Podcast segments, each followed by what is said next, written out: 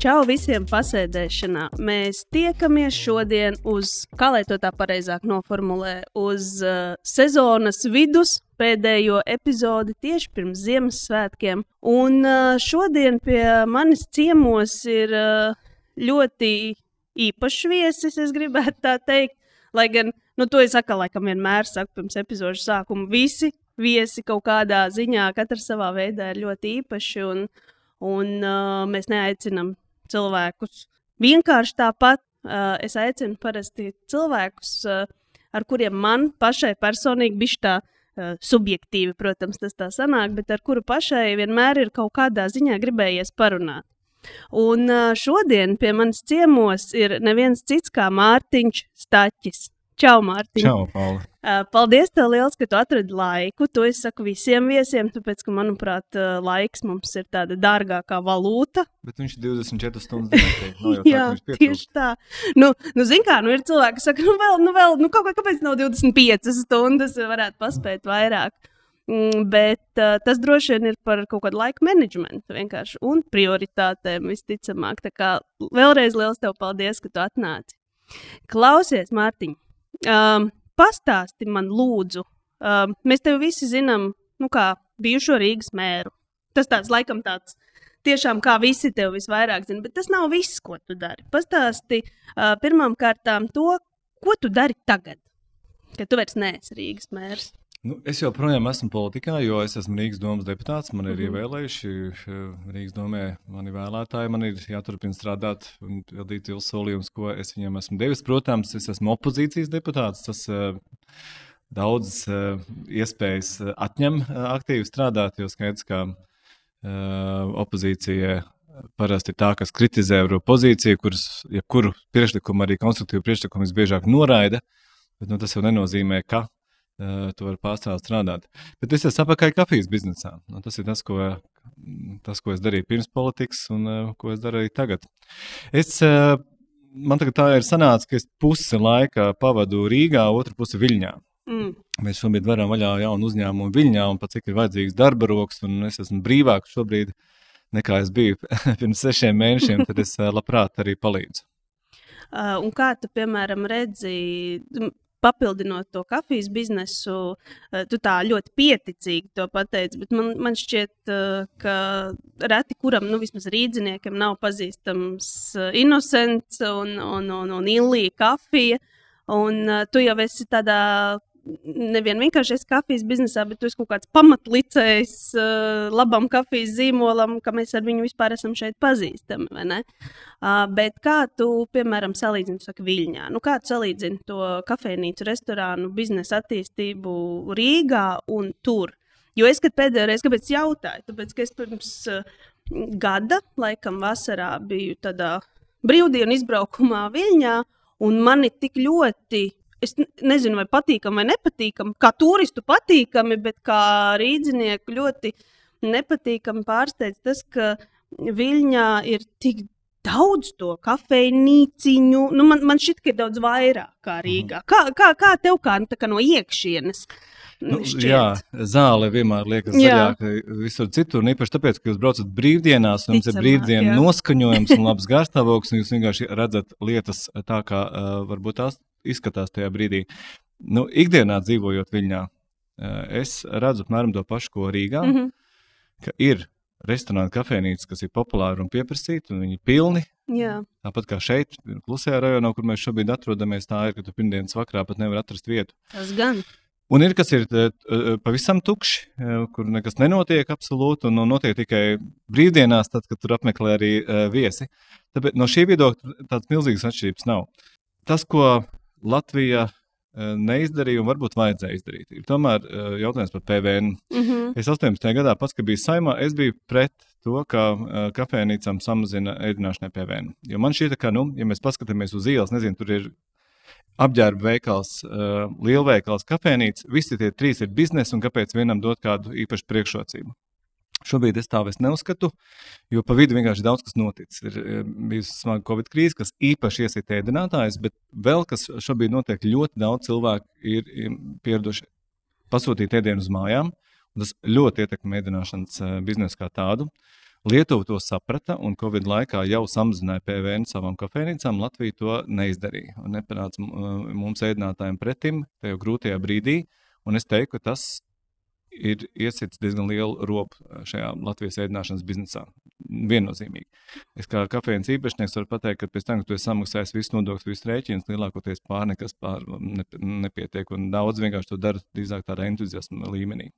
Jā, nu, tas ir viens variants, vai otrs, nu, tas varbūt motivē uh, nemaksāt šos nodokļus un domāt visādas nu. Mm, kreisas, nepareizas schēmas, un, un, un, un, un tas droši vien atkal rada mums citas problēmas. Nu, Covid laikā gan, uh, es domāju, daudzi, kas uh, šo praktizēja, piedzīvoja rūkt mācību. Mm.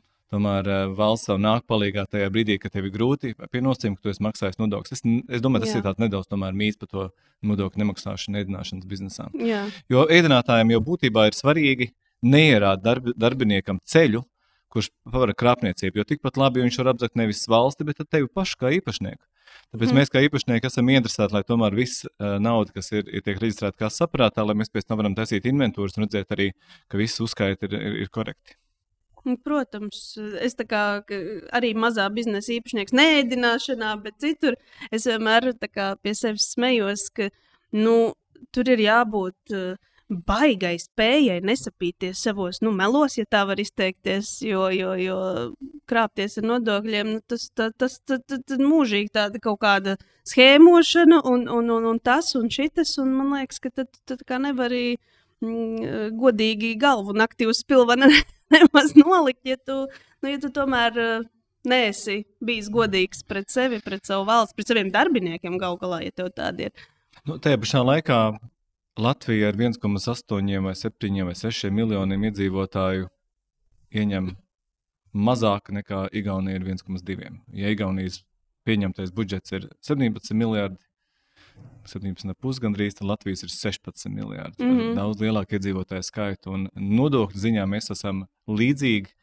Eh, kaut kādos atsevišķos nodokļos pat Igaunijā nodoklis nedaudz zemāks. Tā kā noliegt arī to, ka uh, mums ir ļoti liels pelēkais sektors, var nebūt nu, pareizi. Ne? Nu, ir, ir, ir viņš. Nu, tas, tas, tas nav nevienam noslēgums, kurš kaut nedaudz, nedaudz tam pasako līdzi. Un, um, labi, ok, ēdināšanas nozara būtu viens un tas PVN. Uh, bet, nu, tomēr, kas tavuprāt varētu nu, risināt šo, šo problēmu tā aktīvāk? Jo nu, par to daudz runā. Nu, tas nav noslēpums, ka ir šī pelēkā zona, kā tu saki. Un, nu, ka, kas varētu tomēr motivēt vairāk tos cilvēkus? Eh, jo nu, skaidrs jau ir viens, nu nevaram mēs samazināt tos nodokļus visur. Un, uh, un, un labi, kaut kur varbūt viņus var optimizēt un samazināt, bet uh, nu, viņus nevar atcelt pavisam noteikti. Bet, bet nu, kas, kas tomēr motivētu tos cilvēkus uh, strādāt godīgāk, es gribu teikt?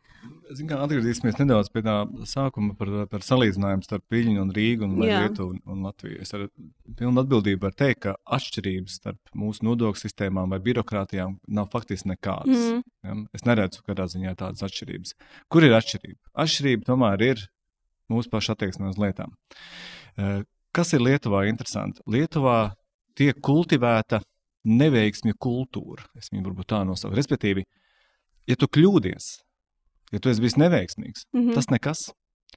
Tu darīji, tu centies, un arī mēs no tā kaut ko iemācījāmies. Latvijā mēs ārkārtīgi demonizējam kļūdas, neveiksmes. Piekritīšu, gan jā. politiķu pusē, gan uzņēmēju pusē. Un nedod Dievs, kāds kaut ko nāk ar kādu interesantu, drosmīgu ideju. Viņš momentā tiek iemīts tajā pelēkajā masā, nelien ārā, Un tad, ko mēs darām? Mēs, protams, septiņreiz nomēram, septiņreiz septiņas reizes nomēram, pirms mēs kaut ko darām un uzskatām, ka mēs esam gudrāki nekā pārējiem. Lietuvā darbinieks saka, nu, ko mēs zīmēsim, nu, pamēģinām. Tad jau redzēs, kā sanāks. Nu, nesanāk šis, mēģināsim kaut ko citu. Un šī ir viena fundamentāla atšķirība, ko, ko, ko es redzu. Man šķiet, ka, ja mēs šajā ziņā nu, nemainīsimies paši, mums nākotnē vienkārši kā sabiedrība sagaida liels problēmas. Otra lieta, kas, protams, arī acīm redzama, ir, ka lietuvieši ir iemācījušies domāt plašāk. Nu, piemēram, mēs varam vaļā veikalu un sakām, nu, dārgas tās mēbeles, kā mēs varētu nopirkt lētāk. Viņi saka, nu kā, taisam trīs veikalus. Mēs uh, dabūsim apjomu atlaides. Tad viņi uzreiz jau domā daudz nu, savādāk nekā mēs teiksim pieejam lietām. Nu, vismaz tas tāds, protams, mazs piemērs, bet arī no pašvaldības un no valsts puses ir, ir, ir, ir milzīgs atbalsts un uzņēmē darbības no tā tieši viedokļa, ka mēs, uh, lai mēs varētu uh, iedzīvotājiem dot kaut ko vairāk, mums kā pašvaldībai, mums kā valstī vajag vairāk pelnīt. Uh, tas ir tas arī, ko es šeit īsti neredzu. Un tāpēc man vienmēr ir dusmas, ka ka, ka, ka nu, tie lēmumi, kas tiek pieņemti, mēs neizlaižam viņus caur prizmu, ka, vai tas mums nes vairāk peļņas kā, kā sabiedrībai, kā, kā pašvaldībai, piemēram, vai, vai, vai nenes. Nu, paņemsim piemēru. Nezinu, kaut kāda hokeja čempionāta organizēšana. Nu, ja Excel saka, ka mēs nopelnīsim no nu, centos miljonus, nu, ko tur domāt? Ņemam nevis vienu hokeja čempionātu, ņemam piecus čempionātus, ņemam visus iespējamos čempionātus, kurus vispār varam nopirkt, jo tie vada šeit cilvēkus, vada šeit um, naudu. Uh, un, un cilvēku, un, un visiem būs labāk no tā. Mums būs arī vairāk ko budžetā pelnīt. Un, nu, mēs redzam arī šīs diskusijas, kas notiek bieži vien arī tagad, eh, budžeta eh, pieņemšanas, kad nu, nenotiek diskusija vispār par to. Hey, mm. Kā mēs varētu nopelnīt vairāk naudas vienkārši tik elementāri? Nu, jā, ir, ir, ir arī no malas tā skatoties, nesot politikā. Nu, to var diezgan labi just, ka dažreiz tā kā divi mm, ap, apbižojušies bērni, katrs kaut kā savā kaktiņā nostājās un pukojās viens uz otru. Bet tā problēma ir arī tajā, ka nu, amatos nonāk cilvēki, kuri neko nespēj no, no uzņēmēja darbības. Piedodiet, es arī gribētu paktizēt šeit, ko te arī šobrīd ir Rīgas doma. Un, un, un skaidrs, ka tur ir cilvēki, kas biznesā ir strādājuši ļoti maz. Nu, Mieru ielā tātad eh, cilvēki novieto mašīnas tā, ka tas traucē tramvajiem. Zinām šo visu. Mm -hmm. Kāpēc viņi tā liek? Tāpēc, ka sniegs ir gar malām. Un tā vietā, lai izvestu sniegu, viņi aizliedz stāvēt eh, visā mierīgās garumā. Liekas, super atrisinājām problēmu, bet uzņēmējiem, kas tur Jā, atrodas. Vienkārši jā, zaudē uh, apjomu, un atkal būs mazāk naudas budžetā. Labi, tie ir simti varbūt, bet tas ir domāšanas veids, kā ir vienkārši pieraduši domāt. Un tā vietā vienkārši izdarīt savu mājas darbu, vienkārši kaut kā katru vakaru to, jo tas nu, nav jau to ielu tik daudz, kur sprūsta sabiedriskais tramvajs. Viņas ir divas faktiski Rīgā. Tāda. Tur Baronielas viens posms un Mieriela Lai tajā vienkārši katru vakaru izvest sniegu, vienkārši aizliet stāvēt un tādā veidā iecērt robu gan uzņēmējiem, gan arī pēc tam, protams, pilsētas budžetā. Tad, kad tu kļuvi par Rīgas mēri, tu labi, noteikti bija kaut kas, kaut kādas tavas ilūzijas, kaut ko, kaut, nu, tu biji uz kaut ko gatavojies, visticamāk. Tu zināji, vai cerēji kaut ko izdarīt konkrēti, nu, es tā pieņemu. Uh, Kādas bija tavas, kad, kad tu reāli sāki strādāt? Nu, kā, kāda ir tā, tomēr, tā atšķirība starp to, ko tu gaidīji, un starp to, kas reāli notiek? Vai, vai arī gluži pretēji, vai arī tu saskāries tieši ar to, ko tu gaidīji, un tad tavs darbs arī tāds apmēram bija. Ne, nu, es katrā ziņā negaidīju, ka es kļūšu par krīzes menedžeru. Pirmos, Neviens uz to nekad necer. jā, jo pirmos divus gadus man bija jāizvada pilsēta cauri trijām smagām krīzēm. Mm. Covid krīze, uh, Ukraiņas uh, bēgļi, kas bēga no Ukraiņas kara, un pēc tam energo krīze, par kuru varbūt jā. mazāk atceras, bet tā bija diezgan nopietna lieta. Un, šis krīzes menedžments bija uh, nopietns izaicinājums. Par to es, protams, uh, nebiju gaidījis, ko es gāju ko es sagaidīju un, un ko es, pie kā es cieši turējos, nu, mēs saņēmām pašvaldību ar 40 kriminālu procesiem daudzām korupcijas skandāliem. Un, uh, tas uzstādījums bija tāds, ka mēs varam pierādīt, ka pašvaldībā var būt absolūti nulles tolerants pret, pret, pret uh, šīm lietām. Un, uh, nu, es esmu lepns, jā, ka to trīs gadu laikā, kamēr es biju pašvaldībā, nevienas svētdienas redzējuma pa mums nebija. Mēs paši spējām arī atklāt um, kādus iekšējos pārkāpumus un reaģēt. Un, uh, jā, nu, arī mana atkāpšanās ir lielā mērā saistīta ar to, ka man bija cits redzējums par, par, par izsaimniekošanas jautājumiem nekā maniem kolēģiem.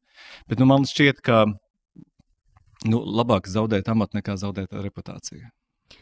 Tam arī es nevaru nepiekrist. Pilnīgi noteikti. Bet, nu, tomēr kā tev mm, nāca šis lēmums atkāpties, jo es neticu, ka nu, tomēr ir viegli sev arī, nu, pirmkārt, sev noformulēt, ka nē, šitas, nu, ka tiešām es, es kāpju no, kā zināt to brīdi, kad, kad ir, nu, ir laiks, ka kā, es, es būšu vērtīgāks citur, citur ne šeit. Ne, nu, šī ir sāpīga tēma, jo man ārkārtīgi patīk tas darbs, un es joprojām pie šī darba ļoti skumstu. uh, tas, ko es jums varu teikt ar lielu pārliecību, ka ne tikai šodien, bet jau visticamāk, jūlijā beigās es nebūtu uh, Rīgas mērs būtu atkāpies vai nebūtu atkāpies. Mēs uh, zinājām, ka balsis manai noņemšanai pietiek, mēs zinājām, kā tas notiks.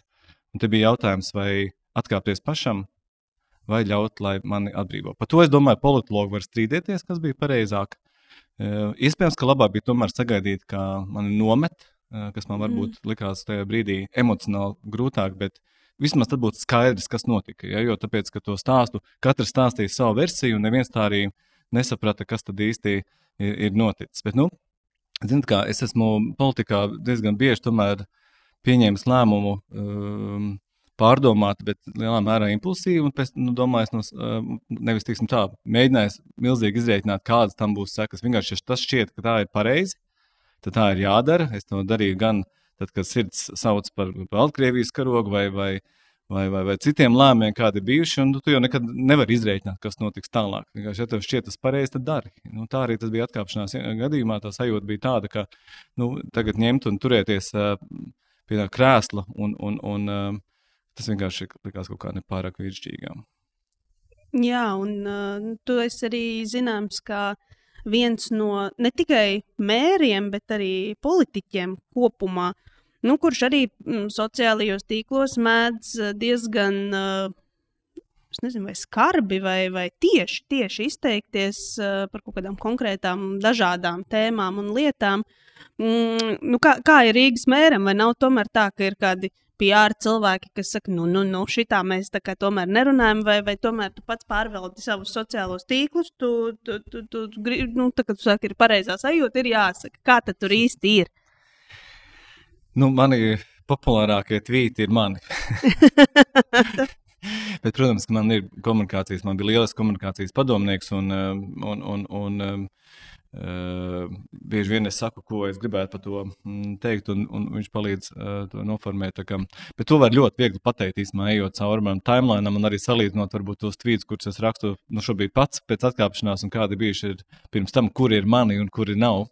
Uh, Twitter pārsvarā bija um, tas ir tā vieta, kur es labi jutos.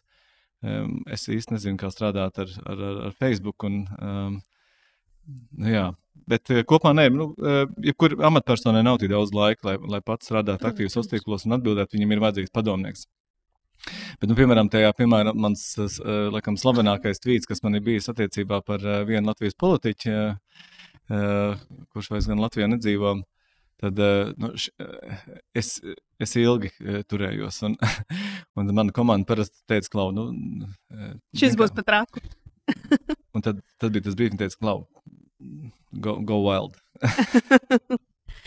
Bet man šķiet, ka kopumā uh, sabiedrība to, nu, vismaz tāda mana prizma ir, ka kopumā sabiedrība to novērtēja. Vismaz es zinu, ka es novērtēju. Man patika. Man, man, man ļoti patīk tāda tieša, skaidra valoda, jo tad apmēram ir vairāk saprotams, kas, kas ir kas. Nu, man nervi netur skatīties intervijas ar politiķiem, jo viņi ir tā iemācījušies neatbildēt uz jautājumiem un vienmēr kā, pateikt to, ko viņi grib pateikt. Un, kā, Ludvīgs Ugots vairs nespēja pat bieži vien skatīties. Tāpēc, nu, tā, kad es pats biju politiķis, es nolēmu, ka nu, es, cik vien iespējams, eh, tomēr eh, mēģināšu būt, būt, būt tieši un atklāts. Jo es arī sagaidu ka, ka, ka no cita politiķa, ka, viņ, ka viņš rīkosies uh, līdzīgi. Tas nav vienmēr Labi, jo, protams, ka cerēt, tu pasaki varbūt ko tādu, ko tu nožēlo. Emocijās. Jā, bet uh, vismaz cilvēki redz, ka tu esi dzīves uh, cilvēks ar kādām savām domām par to un arī savām izjūtām. Un jā, varbūt arī emocionāli reaģē tur, kur um, šķiet, ka tā arī, arī jārēģē. Mm -hmm. uh, kas tomēr ir tas, ko tu būtu darījis citādāk? Vai, vai vispār ir kaut kas tāds? Nu, protams, īpaši krīžu laikā tu jau nekad nezini. Tev jau nav tāds no brandbooks, kā tu tagad mums rīkoties, un tu vienmēr analizē un, un, un, un, un skaties. Nu, protams, ka attiecībā par, par šo situāciju, dēļ, kā man nācās atkāpties, ne, nu, skaidrs, ka droši vien ka varēja vēl paildzināt kaut kādu laiku to savu atrašanos amatā, ja, piemēram, nezinu, nebūtu rīkojies šādi, būtu vienkārši paņēmis to anonīmo ziņojumu un aizsūtījis uz knabu, lai knaba to tiek mm. galā jā, iespējams, ka tā būtu bijis darīt uh, labāk. Um, iespējams, ka nu, jā, kaut kādās situācijās varbūt būtu bijis kaut kur nezinu, diplomātiskāks vai, vai, vai kā savādāk. Nezinu, bet ziniet, kā es, eh, man vispār nepiemīt tā slimība bērt sev pelnus uz galvas un, un nepārtraukt kaut ko, kaut ko. Man liekas, ka tā ir tāda arī otra Latvijas slimība. Mēs pārāk daudz sevi šausmam un, un visur, visur citur liekas, ka ir labāk. Īpaši tagad, kad dzīvojot ar divām pilsētām, es redzu, ka vienkārši kamēr tā viena puse sev nešaus ne par ko un ir gatava lielīties par lietām, kuras patiesībā mēs jau sen darām ar kārtu labāk, tikmēr mēs vienmēr esam ļoti kritiski pret sevi un, un domājam, ka nē, nu, citi māk labāk nekā, nekā mēs to mākam. Tā nav. Tiešām tā nav. Tas ir tas, ko tu visticamāk arī jau pieminēji par to kļūdīšanās kultūru, ka, ka kļūdīšanās jau parasti nozīmē pieredzi. Jā, tā, tā gan ir. Tā ir mūsu sabiedrības problēma. Tāpēc tie, kas mani šobrīd dzird, es jums saku, esiet, ļaujiet cilvēkiem kļūdīties. Tie startupi, kas ir izveidojušies Igaunijā, vai, vai tā kultūra, kas šobrīd arī veidota Lietuvā, ir tāda tieši tāpēc, ka Mēs sakām, kamēr viņi saka, labi, neveicās, nevis meklējam, te, kurš ir atbildīgs, kurš par to ir jāatlaiž, no kā ir jāpiedzen, bet vienkārši paredzam, ka, ka jā, no kaut kādiem projektiem kaut kas var sanākt neveiksmīgi, izanalizējam, kāpēc, saprotam, kādā veidā tie var būt labāk un dzīvojam tālāk. Mm. Ķeramies uzreiz nākamajam klāt. Un tad nebūs tā, ka uh, Igaunija un Latvija vienlaicīgi iepērk vilcienus. Vienam sāk viņš kursēt 15. vai 13. gadā, otram 23. Nu, sauksim to par kursēšanu, kas, ta, kas tagad notiek. Bet, uh, uh, ko tu ieteiktu jauniem cilvēkiem, kas apsver vai jau ir stingri nolēmuši, nu, ka viņi tomēr ies politikā, ka viņi, nezinu, varbūt studē jau kaut ko par to tēmu, vai, vai vienkārši dzīves laikā, nu, jauniešiem, teiksim tā, jauniešiem līdz 35, uh, kas ir nolēmuši, nu, ka, vai, ka es varētu tomēr nu, ka kaut kas jāmaina. Es būšu tas, kas tur ies visu mainīt. Nu, ko, ko, ko tu ieteiktu um, ņemt vērā šiem cilvēkiem un kā to vispār darīt? Manuprāt, ir, ir tie ceļi ir vairāk, bet, nu, labi, ja tas ja sirds tev aicina būt par politiķu, un tu jau to saproti vidusskolas vai, vai augstskolas vecumā, nu, tad ej, stājies partijā, uh, saki, ka tu gribi būt aktīvs. Tev, ja tā partija būs vairāk, tev noteikti varēs piedāvāt kaut kādu starta pozīciju, kaut kādā amatā, un, un nezinu, kaut kā deputāta palīgam. Un, mācies un skaties, kā kļūst par karjeras politiķu. Man pašam šis ceļš nepārāk uh, uzrunā, jo tas, ko es esmu ievērojis, ka, ja politiķis sāk kļūt atkarīgs no tā sava, savas darba, tas ir faktiski vienīgais, no kā viņš pārtiek, viņš sāk pārāk iet uz kompromisiem. Mm -hmm. Man šķiet, ka daudz labāk politikā iet tad, kad tev ir tāds labs backup plāns, ka tu vari to darīt vienkārši kā, nezinu, kā misiju, Un tad uh, arī neiet tik daudz uz kompromisiem un teikt, labi, nu, ja man arī ir jāatkāpjas vai, vai tas, eh, tas darbs ir jāzaudē, man ir kur atgriezties. Jā. Es, man, es redzu, ka šādā veidā uh, lēmumi tiek pieņemti labāk. Tāpēc es pazušiem, ka tomēr teiktu, ka, uh, ja nu, es izvēlos karjeru politiķu, var, var šo ceļu iet, bet tie, kas varbūt domā par politiku, es ieteiktu tomēr sagatavot savu plānu B un tikai tad iet politikā. Jo redzu, kas par nelaimi ir. Politiķis ir toksisks. Ehm, kāpēc lai es ņemtu darbā kādu bijušo politiķu? Ir skaidrs, ka manam uzņēmumam tiks pievērsta uzmanība nevajadzīga. Vai arī varbūt kāds bijušais politiskais oponents, ehm, nu, varbūt mēģinot iesist, viņam trāpīs arī manam uzņēmumam. Tāpēc viņus parasti darbā pēc tam negrib ņemt vismaz divus gadus, kamēr nav noticis tā saucamais atzīšanas periods. Eh, līdz ar to eh, tev jārēķinās, ka, ja teiksim, politikā nu, tevi neievēlēs, tu vari nonākt nu, ļoti neapskaužamā situācijā. Nu, tad, ko dara politiķi? Nu, viņi dara to, lai viņi par katru cenu tajā politikā noturētos un būtu. Mm -hmm. nu, tad mēs varam panelizēt, kāpēc mēs esam tur, kur esam.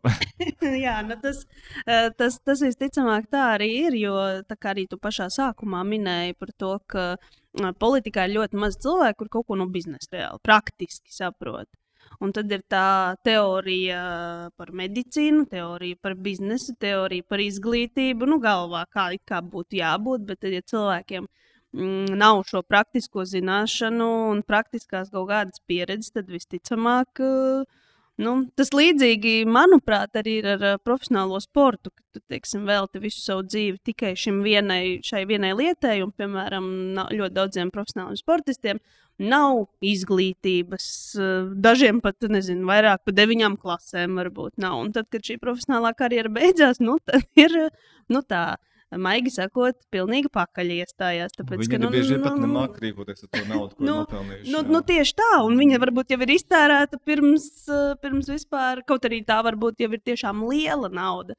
Tā kā, tā kā šis ieteikums, manuprāt, ir ļoti vērtīgs, ka vispirms arī jā, nu, tiešām varbūt jāgūst kaut kāda praktiskā pieredze kaut kādā konkrētā sfērā, kur tu esi zinošs, un tad tu arī vari tiešām saprast, kas tad vispār tur ir jāmaina. Nevis vienkārši smukā uzvalkā, smuki runāt no tribīnes. Nu, to, to, to nu, kas gan arī prasa ļoti lielu piespiedu. Tas nav tik vienkārši uzkāpt no tribīnes mm. un runāt. Uh, es ticu. Īpaši, ka tā autorija, uh, kas tur runā, viņam nav tāda pacietīga klausītāja. nav arī droši vien baigi toleranti. Jā. Tur vajag iekšā. Es man godīgi sakot, nepārāk patika debatēt, kas bija saimā. Nē, nu es ticu, īpaši, ja ir. Uh, pozīcija pret opozīciju. Un, bet vai nav tā, ka dažreiz opozīcijas darbs ir vienkārši arī principiāli iebilst pret lietām? Nu, ir vairāk tipa opozīcijas, ir tā saucamā cieta opozīcija, ja, kur vienmēr viss, ko tu dari, ir slikti un izsmies, un, un, un, un tad ir konstruktīvā opozīcija, kas nāk ar kaut kādiem saviem priekšlikumiem, tad kritizē tevi par to, ka tu šos priekšlikumus neesi ņēmis vērā, un ka tu neņem pat arī tādus sakarīgus priekšlikumus. Tā kā, e, jautājums ir parasti tāds, nu, vai tu rēķinies, ka tu varētu kādien būt varā vai nē. Jo, ja tu esi vienmēr tajās cietās opozīcijas uh, pozīcijā, tad ērta izklausās. Jā, bet nu, tad, kad tu nonāc varā, tad jau tev pašam jāsāk arī to arī realizēt, visu, ko tu tur esi sarunājis, un tad iestājas uh, problēmas. Opozīcija ir svarīga. Nu, man opozīcija ir tikai, nu, es uzskatu, ka dēļ opozīcijas lēmumu kopumā tiek pieņemti labāki. Mm -hmm. Ja būtu tā, ka, mazliet, nu, zinot, kā ir tā, tā nezinu, Izraels vai kas tā, tā metode, ka, ja pie galda viss piekrīt, tas nozīmē, ka lēmums ir slikts. Mm -hmm. Ir, ir, ir jābūt vismaz vienam, kurš pasakā, hei, bet varbūt pa, paskatāmies varbūt no citas skatu punkta šo jautājumu. Un to pat tiek uzskatīts, ka tas ir palīdz pieņemt labākus lēmumus, un vismaz domē, tas tā noteikti ir. Nu, tāpēc jau tur nav viens cilvēks. Tāpēc tur ir jābūt šim, šai, šim grupējumam, grupai, kura, kura tomēr pieņem lielus lēmumus visas uh, pilsētas vai tautas uh, labā. Un, un, un, un tad, tas, tad tas nekad nevar noteikti būt. Oh, jā, visi paceļ rociņu. Nu, ļoti reti, visticamāk, ir tāda lieta. Nu, mums tagad pēdējās, mm, pēdējās diskusijas gan, gan par to pašu Stambulas konvenciju, gan nu, nu, dažādas. Pa, partnerattiecību, visas šīs lietas, tas vispār, es nezinu, cik ilgi ir, bija, un es domāju, ka vēl turpināsies diskusijas par to, cik pareizi tie lēmumi ir vai nav. Jā, nu, bet šis ir iemesls, kāpēc man patīk partija progresīvie, jo nu, viņi ir. Viņi pārstāv, viņi visi ir veiksmīgi kaut kādās citās lietās. Viņi var ar politiku nodarboties drīzāk kā misijas apstākļos, un viņi neziet, vienkārši viņi gāja un nobalsoja. Tik vienkārši. Nevis Es biju partijā, kas par šo cīnījās četrus gadus iepriekšējā saimā, nu neizdevās. Bet arī tas variants, atkal, ka cilvēki, nu, baidoties no, no tādiem drosmīgiem lēmumiem, finālā vienkārši nomarinē viņus tik ilgi, ka mm. beigās mēs esam pēdējie, kas kaut ko tādu izdara, kamēr citur sen jau tas ir noticis. Nu jā, un mēs jau arī paskatoties, kā citur kaut kur tas ir izdarīts, mēs jau kā tomēr mums ir arī bijis pietiekami laiks paskatīties, kā tas citur kaut kur strādā. Un uh, tad varbūt kaut kā tos piemērus ir vērts ņemt arī nu, priekš sevi, mācīties no citu kļūdām vai, vai, vai uzvarām. Uh, klausies, kā tu skaties uz to, ka saimnes deputāti, piemēram, nu, ir šie kaut kādi balsojumi par pret. Un nu, par to atturēšanos vienmēr ir tās diskusijas, nu, ka kā, tas ir tavs, nu, ne, ne tieši tavs, bet nu, vispār tas ir deputāta darbs, iet un tur izteikt šo savu viedokli. Nu, ko nozīmē, kādus signālus tomēr tautai dod uh, deputāti, kuri atturās? Un ir tādi, kas atturās no viskaut kā regulāri. Patiesībā ir pieci balsojumi. Mm -hmm. Ir par, pret, atturas, piedalos sēdē, bet nebalsoju un neapmeklēju sēdi. Mm -hmm. Un visiem šiem balsojumiem ir nozīme, jo, piemēram, mm, ja es eh, nu, neapmeklēju sēdi vai veiksim, šo kartiņu izrauju ārā, ne, eh, tad, piemēram, tiem, kas to lēmumu grib pieņemt, viņiem nav kvoruma. Līdz ar to vispār sēdi ir jābeidz, un tādā veidā arī tu ietekmē šo lēmumu. Jā. Es kopumā tomēr uzskatu, ka atturas pozīcijai ir jābūt. Jo nu, atturas tiek pieskaitīta pie nē. Mm -hmm. Bet, nu, ja ir laba ideja. Un kopumā es šo ideju atbalstu. Bet es nu, atbildīgi kā politiķis redzu, ka šobrīd to nevar īstenot, kaut arī tāpēc, ka vienkārši tam nav finansējuma. Nu, es viņai nevaru pateikt, jā, jo tas būs bezatbildīgi no manas puses, jo es nezinu, kā to pēc tam nu, varētu nofinansēt. Es viņai nevaru pateikt, nē, jo es uzskatu, ka tam tā būtu jābūt. Līdz ar to tā atturs uh, pozīcija kaut kādā veidā ļauj nu, tā balsojumā piedalīties. Es pateicu, ka es, es nu, atturos šajā, šajā, šajā šobrīd. Mm -hmm. nu, skaidrs, ka būtībā tas atturas ir, ir, ir, ir, ir, ir nē. Viņš būtu jāskaita vienkārši pie nē un viss. Nu, tā tas arī ir. Nu jā, un tas ir iespēja vai nu turpināt par to diskutēt.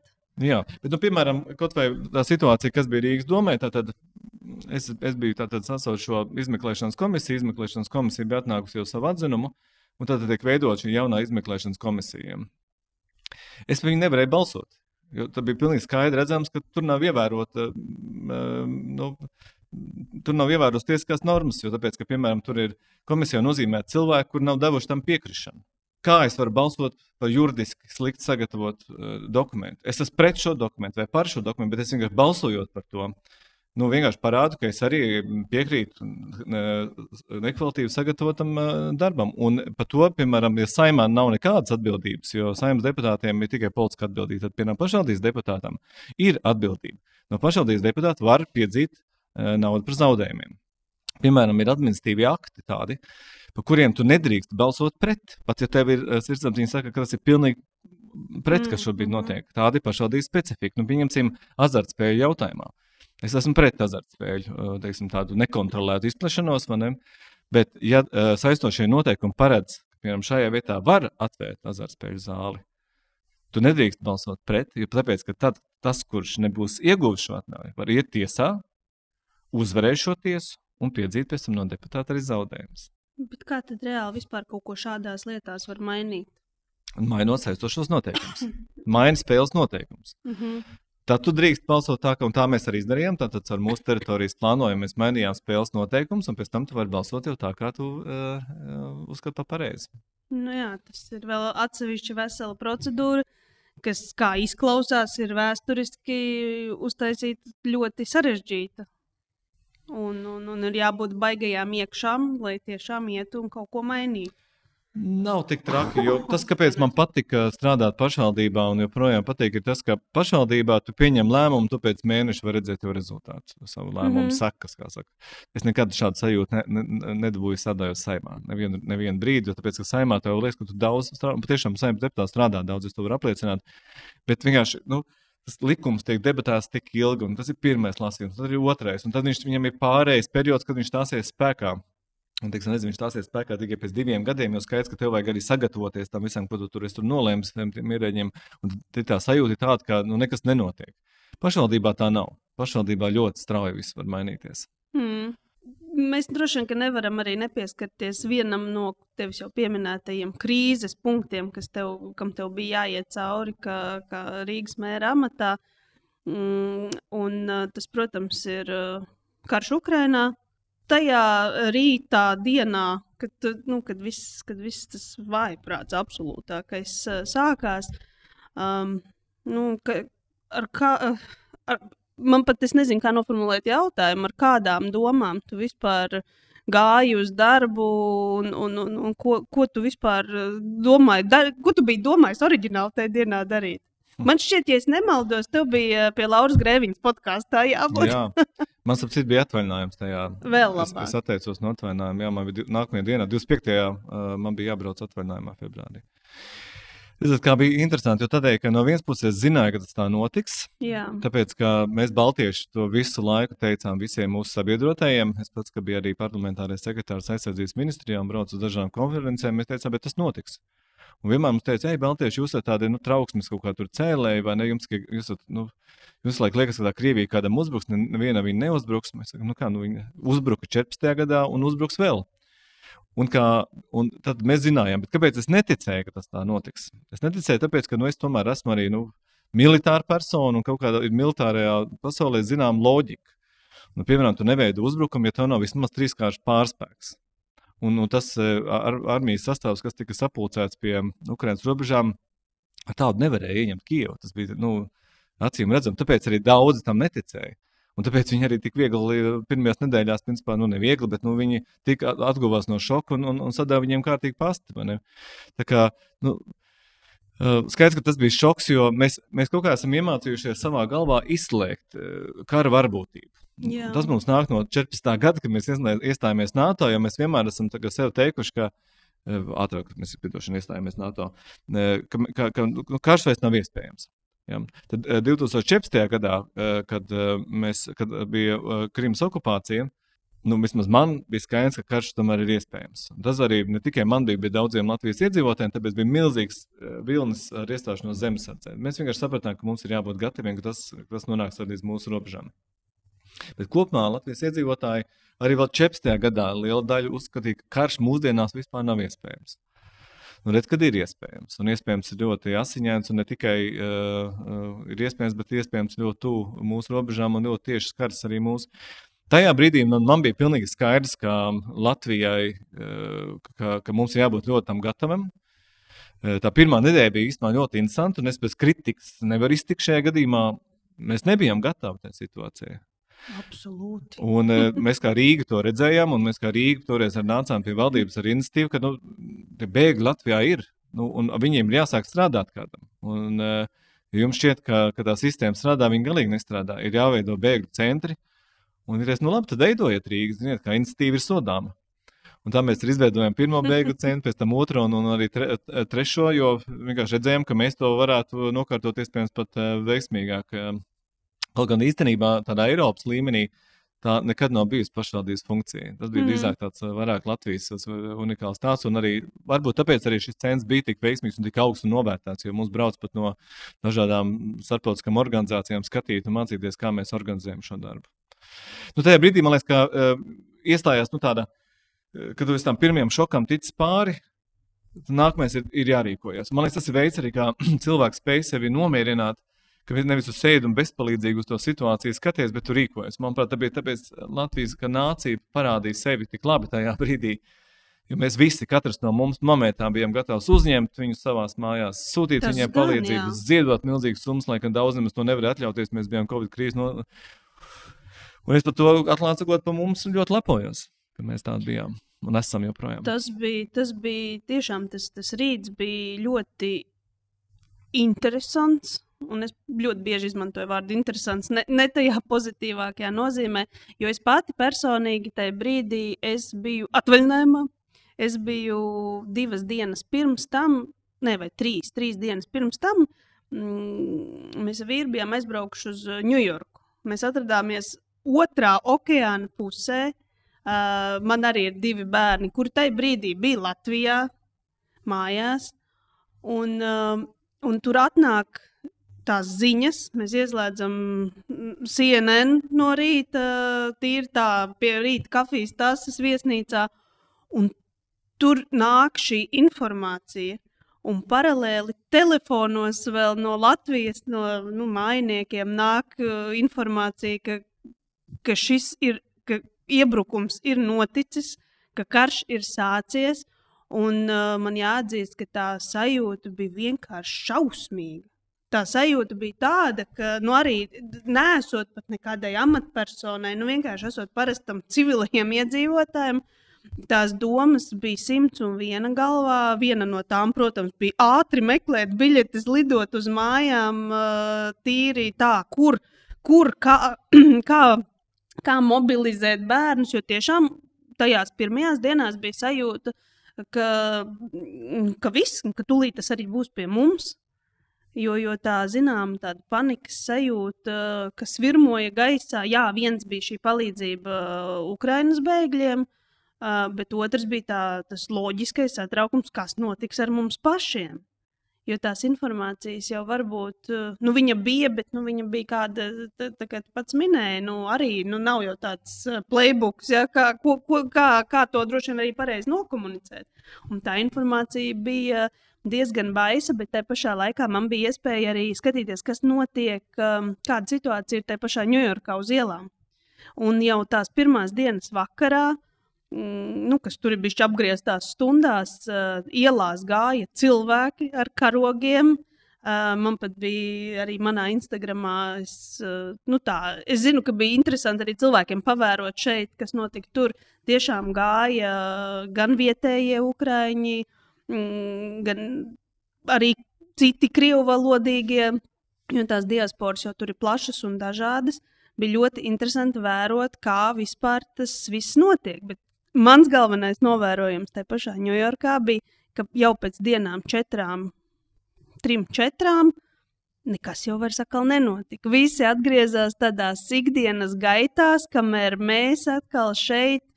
Mm, Mēs atgriezāmies jau mājās, mums viss turpinājās, jo mums tas ir tik tuvu. Nu, un tie likteņi ir tik līdzīgi. Nu, tur, jau, tur jau tā lieta, un tas viss ir.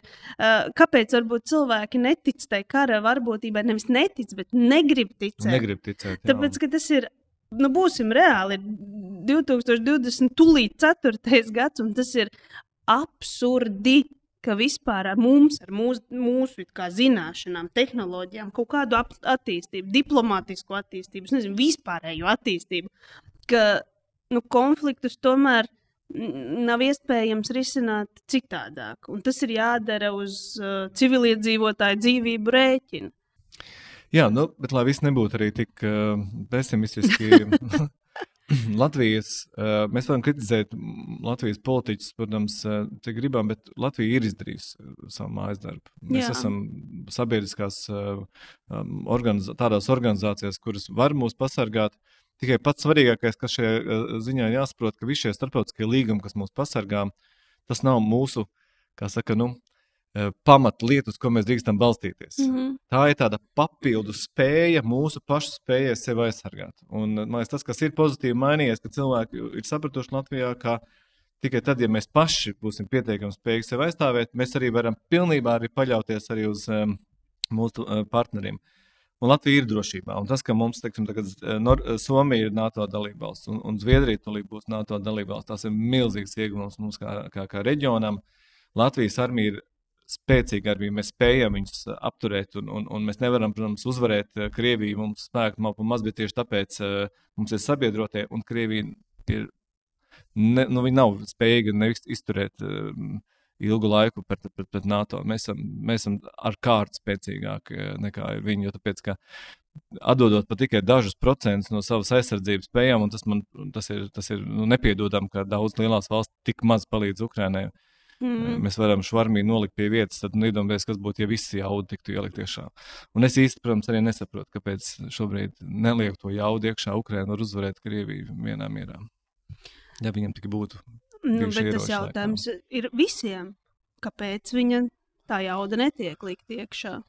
Nu, es par to daudz domāju. Nu, iespējams, ja, ka varbūt tur gudrāki cilvēki, kuriem ir kaut kāda izlūka informācija, ir sapratuši, ka pat ja ātri uzvarētu Krieviju, nekas nemainītos. Ka iespējams tieši šis laiks ir tas, kas varbūt kaut kādā veidā transformē šo sabiedrību. Jo Putins mm -hmm. jau nav, tur ir ir putinisms. Tā ir galvenā problēma. Mm -hmm. Viņam joprojām ir milzīgs atbalsts. Un, un mēs redzam, ka mēs runājam ar Ukrāņiem, ka šeit ir Latvijā. Mums 80% to Ukrāņu bēgļu, kas šeit ir Rīgā, viņi ikdienā viņi pat nemāku Ukrāņu valodu. Tie ir Krievi. Mm -hmm. Jau Harkiva, Mariupola, tā, tā, tās bija krieviskas pilsētas. Ja. Viņi, viņi ir ukrāņi, kas runā ikdienā krieviski. Yeah. Un daudz no viņiem pat neprot ukrāņu valodu. Viņiem ir radi, māsīcas, brālēni, citiem pat māsādi Krievijā ar kuriem viņi ikdienā bija sarunājušies, un kuri vienkārši nespēja noticēt tam, ko viņi saka. Viņi saka, jūs saprotat, ka man tikko kaimiņu māju noslaucīja raķeti. Viņi saka, tā nevar būt. Tā ir tikai speciāla militāra operācija. Tur neviena civiliedzīvotāja. Viņi, ne, viņi pat, viņi pat taviem radiem, pat rādot fotogrāfijas, nespēja parādīt to, kas notiek. Tas nozīmē, ka problēma jau nav tikai tajā vienā līdī, kā tajā putinismā un tajā sabiedrības sapratnē. Līdz ar to no sanāk, ka pļauku viņiem ir jāiedod, un iespējams, ka iedodot tādu ātru pļauku, Varbūt viņi vēl to nesapratīs, nu, tādu, noliekot viņus uz, uz tādu ilgāku. Uh, nu, varbūt tad, eh, tad, tad sapratīs. Nezinu. Es, protams, būtu drīzāk tajā pusē, ka, ka, ka dodam Ukrāņiem visu, ko viņiem vajag, un, un tāda jau arī ir Latvijas oficiālā pozīcija, un, mēs, mm -hmm. un viņi uzvarēs. Tā arī, tā arī ir. Nu, ļoti cerams, eh, ka tas mūks, protams, drīz beigsies. Jo, jo nu, tas, bet, nu, tā, tā kā tu saki, nu, mēs jau arī zinām, tik cik mēs zinām. Un uh, varbūt cerams, ka tie, kas pieņem vēl kaut kādus lielos lēmumus par uh, Ukraiņas atbalstu, papildus atbalstu un pilnīgāku atbalstu, nu, cerēsim, ka viņi zina kaut ko vairāk. Tas, ko mēs noteikti nedrīkstam darīt, jums jāsaprot visiem lūdzu klausītājiem, ka Krievijas šobrīd spēcīgākais narratīvs ir tas, ka Ukraiņai neveicas. Jā. Kāpēc tas narratīvs ir tik svarīgs viņiem? Tāpēc, ka neviens negrib pievienoties armijai, kurai neveic. Visi grib pievienoties tikai veiksmīgiem stāstiem. Un arī starptautiskajā sabiedrībā e, tu jau gribi palīdzēt uzvarētājiem, nevis zaudētājiem. Un tāpēc šobrīd viņi ļoti aktīvi strādā, lai mums iestāstītu, ka, nu, redziet, Ukrāņiem tur neiet. Jā, viņiem ne, nav izdevies viens uzbrukums, bet viņiem pirms tam ir izdevušies vienkārši ģeniāli pretuzbrukumi. Un karā neveiksme kaut kādā vienā nelielā operācijā nenozīmē zaudētu kauju. Un eh, šis narratīvs par to, ka, redziet, Ukrāņiem neiet, viņš kaut kā arī sācis Latvijā iesakņoties. Mēs, man liekas, paši esam sākuši jau zaudēt ticību. Es skatos no uh, dažiem, manuprāt, gudriem cilvēkiem, kur paši tagad sociālos tīklos sāk runāt par to, ka varbūt tomēr pamieris ir laba doma. Tas ir absolūti lietus tieši to, tām zinām, kuras Putins šobrīd arī uh, veido. Tāpēc mēs vienkārši nu, esam kritiski, bet turam acis vaļā un saprotam, kas notiek. Nelējam uz viņu dzinavām un, un neticam tam, ko viņi stāsta. Nu, jā, nu tas tā kā tajā pasakā par to, kur, kur puisīts gan aitas un visu laiku meloja ciematam, ka nāk vilks, nāk vilks, nāk vilks, nāk vilks. Un tagad vilks pa īstam nāca, viņam neviens vienkārši vairs neticēja, jo, jo viņš visu laiku bija melojis. Nu, šis ir droši vien tas pats stāsts, ka nu, ir kritiskā kaut kāda domāšana jāpieslēdz tam, tam puisītim, kurš ganīs aitas un visu laiku melo. Nu, viņš melo vienkārši visu laiku. Bet uh, es ar, ar tādu loģisko galvu saprotu, ka, kāpēc Krievijā dzīvojošie iedzīvotāji tic tam. Jo viņi jau tādā DNS līmenī tiek skaloti, man liekas, no, no, no bērnības ar to informāciju, bet, bet uh, man ļoti grūti saprast, um, kā dzīvojot ārpus Krievijas, tomēr tam vēl var ticēt. Bet laikam tās informācijas zonas ir gan plašas, um, visādi ziņu portāli, kuriem seko arī iedzīvotāji šeit. Man liekas, ka es, es baidos samalot, bet uh, vakar vai aizvakar Garklāvas Kristīnas Instagram kontā, vai, vai, vai es tiešām baidos samalot, bet nu, bija, bija, bija nofilmēts uh, stāstījums, kur uh, vienkārši autobusā kundze tādā pirmspensijas vecumā skrolo savā telefonā kaut kādu pamatīgāko krievu propagandas mēdīju, tad tā informācija tiek patērēta lielos apjomos droši vien. Tur tas viss ir vēl dziļāk. Redzat, tur ir jāpaskatās vēsturē. E, tas, kam Krievija tic, Krievija tic un mēģina to veiksmīgi iestāstīt saviem iedzīvotājiem, ka, ka, tas, ka viņi ir trešā Roma. Tad pirmā Roma ir kritusi, Konstantinopole bija kā otrā Roma arī kritusi. Mēs esam trešā un ceturtās vairs nebūs. Mēs esam izredzēti. No turienes arī veidojas šis krievu šovinisms, ka mēs esam pārāk pa pārējiem. Jā, mums varbūt nav uh, nosvaltāts ielas, varbūt mums joprojām ir jāiet nokārtoties ārā, bet mēs nevaram krist, jo mēs esam izredzēti. Jā. Un tāpēc viņi arī tiešām cilvēki tic, ka tas viņu krievu pasaules modelis ir, ir, ir, ir svēts un izredzēts, un, un viņiem ir pilnīgas tiesības iznīcināt jebkuru citu modeli, kurš nav, jo tāpēc, ka vienkārši viņiem ir tas dievs iedevis mandātu. Mm. Un, nu, Neviens krievu politiķis to, protams, tiešā veidā tā neteiks. Viņiem priekš tam ir visādi dugini un citi, kas to pasaka. Bet kopumā visa sabiedrība šādā veidā tiek kodēta. Un no šī viedokļa ir pilnīgi pareizi, ka Latvija aizliedz jebkādu veidu šos propagandas kanālus, mm -hmm. lai šo indi vienkārši nesasēja arī uh, galvā. Jūs skaitiet to katru dienu no televizora, kā saka, tu esi dievi izredzēts. Šī ir tā vieta, vienīgā, kas izdzīvos, visi pārējie, nē, mēs paliksim. Jā, mums šobrīd varbūt ir grūti, bet tā ir tā mūsu dievišķā izredzētības cīņa, kas mums ir uzticēta. Bet skaidrs, ka tie cilvēki eh, sajūta prātā. Un tas, ko mēs redzējām Hitleriskajā Vācijā, ka faktiski nu, pietiek ar desmit gadiem, lai cilvēkus uh, pilnībā saindētu, un pēc tam vācieši tikai atvērtu acis un teikt, tā, kas tikko notika. Mm. Nu, bet to jau tur Krievijā dara jau 30 gadus, un tur ir daudz vairāk nozombēti cilvēki nekā bija pat arī nacistiskajā Vācijā.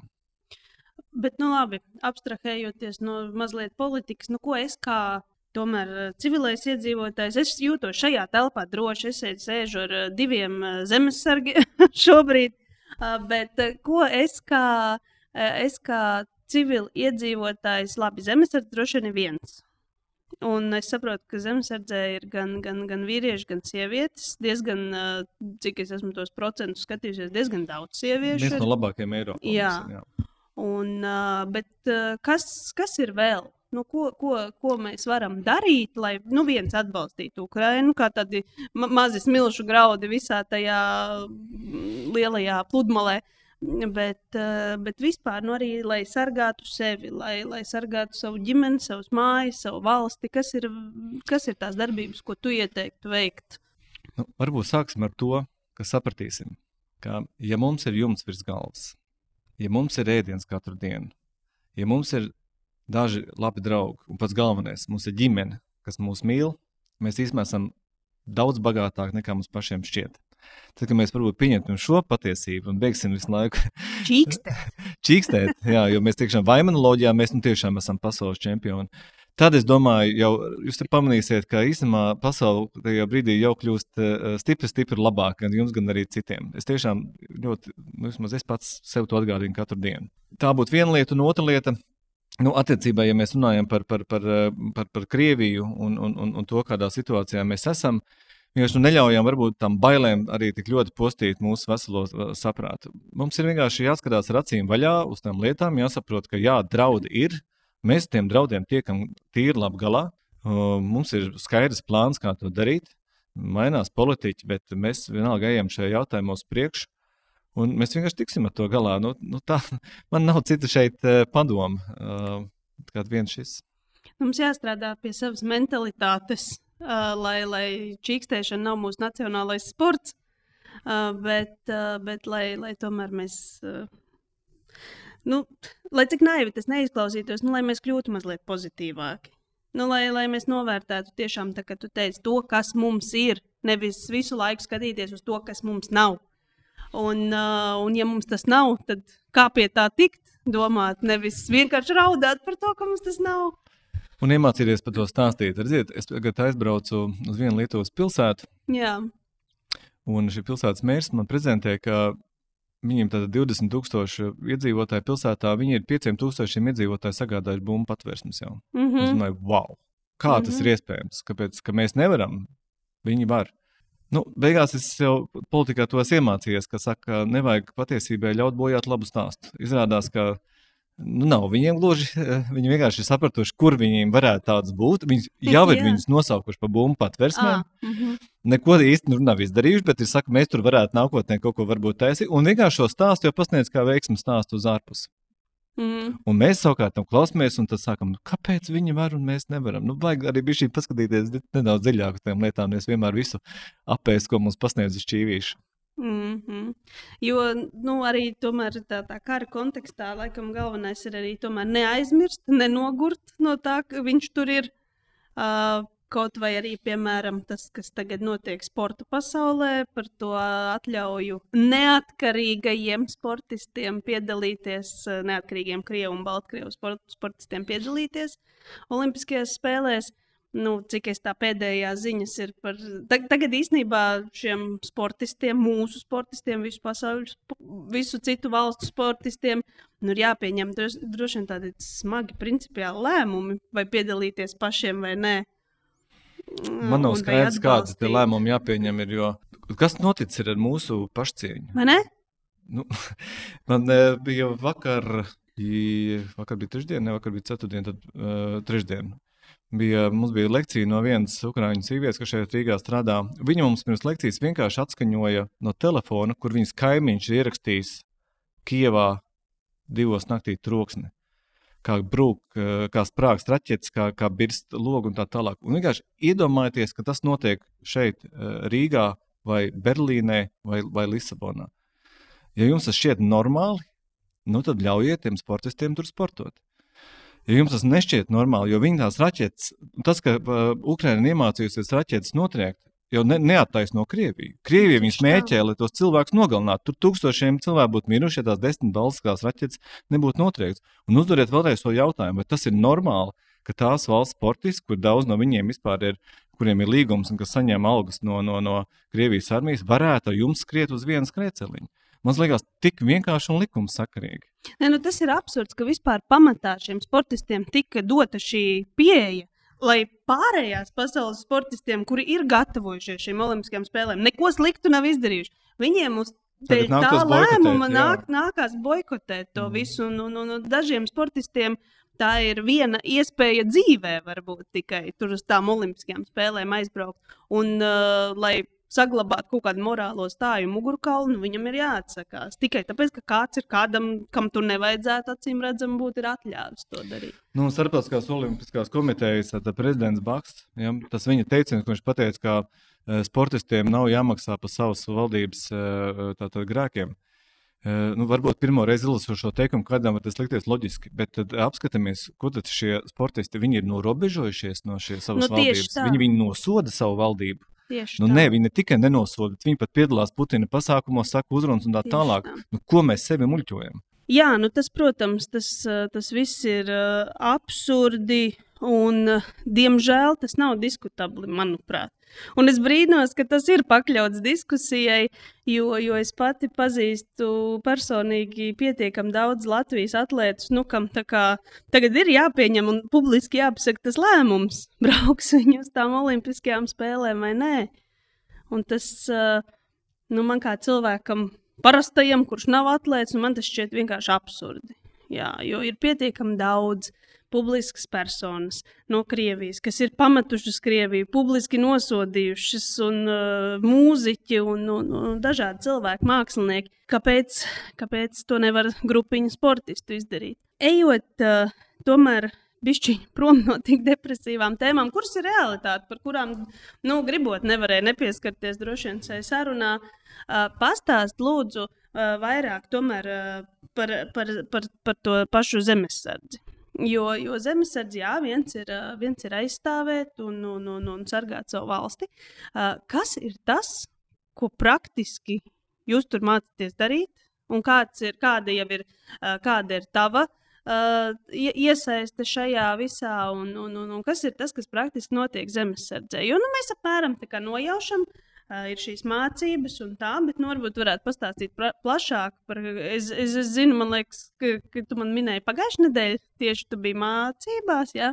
Un, nu, ko, ko dara zemesardze? Kā, kā izpaužās šīs mācības? Kāpēc ir vērts būt zemesardzē? Jo, ja mēs uzdodam sev jautājumu, ko mēs darām krīzes šajā kaut kādā mm. brīdī, tad, manuprāt, zemesardze vienkārši iedod ļoti skaidru atbildi. Man, man vairs nav nekas neskaidrs šajā mm. jautājumā. Mm. Es zinu, kurš tā ir soma. Un man tieši tas, laikam, visvairāk arī biedētu kara gadījumā, ka mans liktenis vairs nav atkarīgs patiesībā no manis. Es kļūstu Jā. par, nezinu, upuri faktiski. Ja? Varbūt man kaut kur jādodas prom un kā tas viss notiks. Zemesardze šajā ziņā iedod visas atbildes. Ja. Mm -hmm. Tāpēc es domāju, ka tiem uh, ir vērts būt zemesardzēs atbalsts arī valsts aizsardzības dienestu un, un, tā tālāk. Un skaidrs, ka uh, mums ir NATO apmācības programma, kas ir standarta programma. Mēs mācāmies to pašu, ko, ko, ko, ko visi citi uh, uh, pasaules karavīri. Uh, šeit, es domāju, daudz kur nav kur iet. Uh, Bet tas, ko es esmu pozitīvo pamanījis uh, cilvēkos zemesardzē, ka, nu, protams, ka pirmkārt zemesardze iemāca uh, strādāt komandā. Zemesardē tu vari arī parādīties kā līderis pats uh, un, un, un vadīt šādas komandas. Es esmu redzējis, piemēram, mums bija pamata apmācības pirmā nometne, nu, kur bija jauni vīrieši, kur acīm redzam, pat nekad tādu virtuvē nevienu darbu nav izdarījuši. Viņi pat trīs trauks nomazgāt nemāca. Ja? nu, es teiktu, ka šī ir vieta, kur vīrietis ir spiests iziet no savas komforta zonas un patiešām kļūt par, par, par vīrieti. Jo, manuprāt, tomēr tas iniciācijas process kaut kāds vīrietim vismaz ir vajadzīgs. Un uh, armija un, un zemesardze šis ir lielisks veids, kā tu vari iegūt pašu kaut kādu. Kāds būs self-confidence, pašpārliecinātība arī par sevi, ka tu vari un ticība savām spējām. Tā, tur ir tikai plusi un no mīnus. Un, uh, Kāpēc sievietes Latvijā ir tik labas zemesardzes? Jo sievietēm savukārt ir morālā noturība daudz spēcīgāka nekā vīriešiem. To es saku no saviem novērojumiem. Proti, Skaidrs, ka mums visi nesam vienādu smagumu ekipējumu, un vienkārši sievietes objektīvi daudz no viņiem nevar tik smagas lietas panest. Mēs dēļ tā, protams, ņēmām daļu no viņu ekipējuma, varbūt uz sevi un palīdzējām. Bet tajā brīdī, kad mēs visi esam noguruši, mums vispār ir pazudus viskam motivācija. Tajā brīdī tas ir tieši sievietes, kuras saka, hei, mūjiks, ceļamies augšā un, un, un ejam un darām. Taču Nav, nav tagad īstais laiks par kaut ko. Jā, jā, jā. Tā, tam ir, es domāju, priekš sabiedrības kopumā zemesardze ir ārkārtīgi liels eh, ieguvums. Tāpat arī, es domāju, ka valsts aizsardzības dienests. Eh, eh, tas daudziem vecākiem, viņi pat varbūt nesaprot, cik pozitīvi ietekmēs viņu jaunieši. Viņi atnāks, es domāju, daudz lielāku skaidrību dzīvē, ko viņi grib sasniegt. Jo valsts aizsardzības dienests kādam varbūt viņš sapratīs, ka viņa vieta ir, ir, ir būt armijā. Viņš tur ērti jūtās, viņš veiksim, varēs turpināt savu karjeru tur.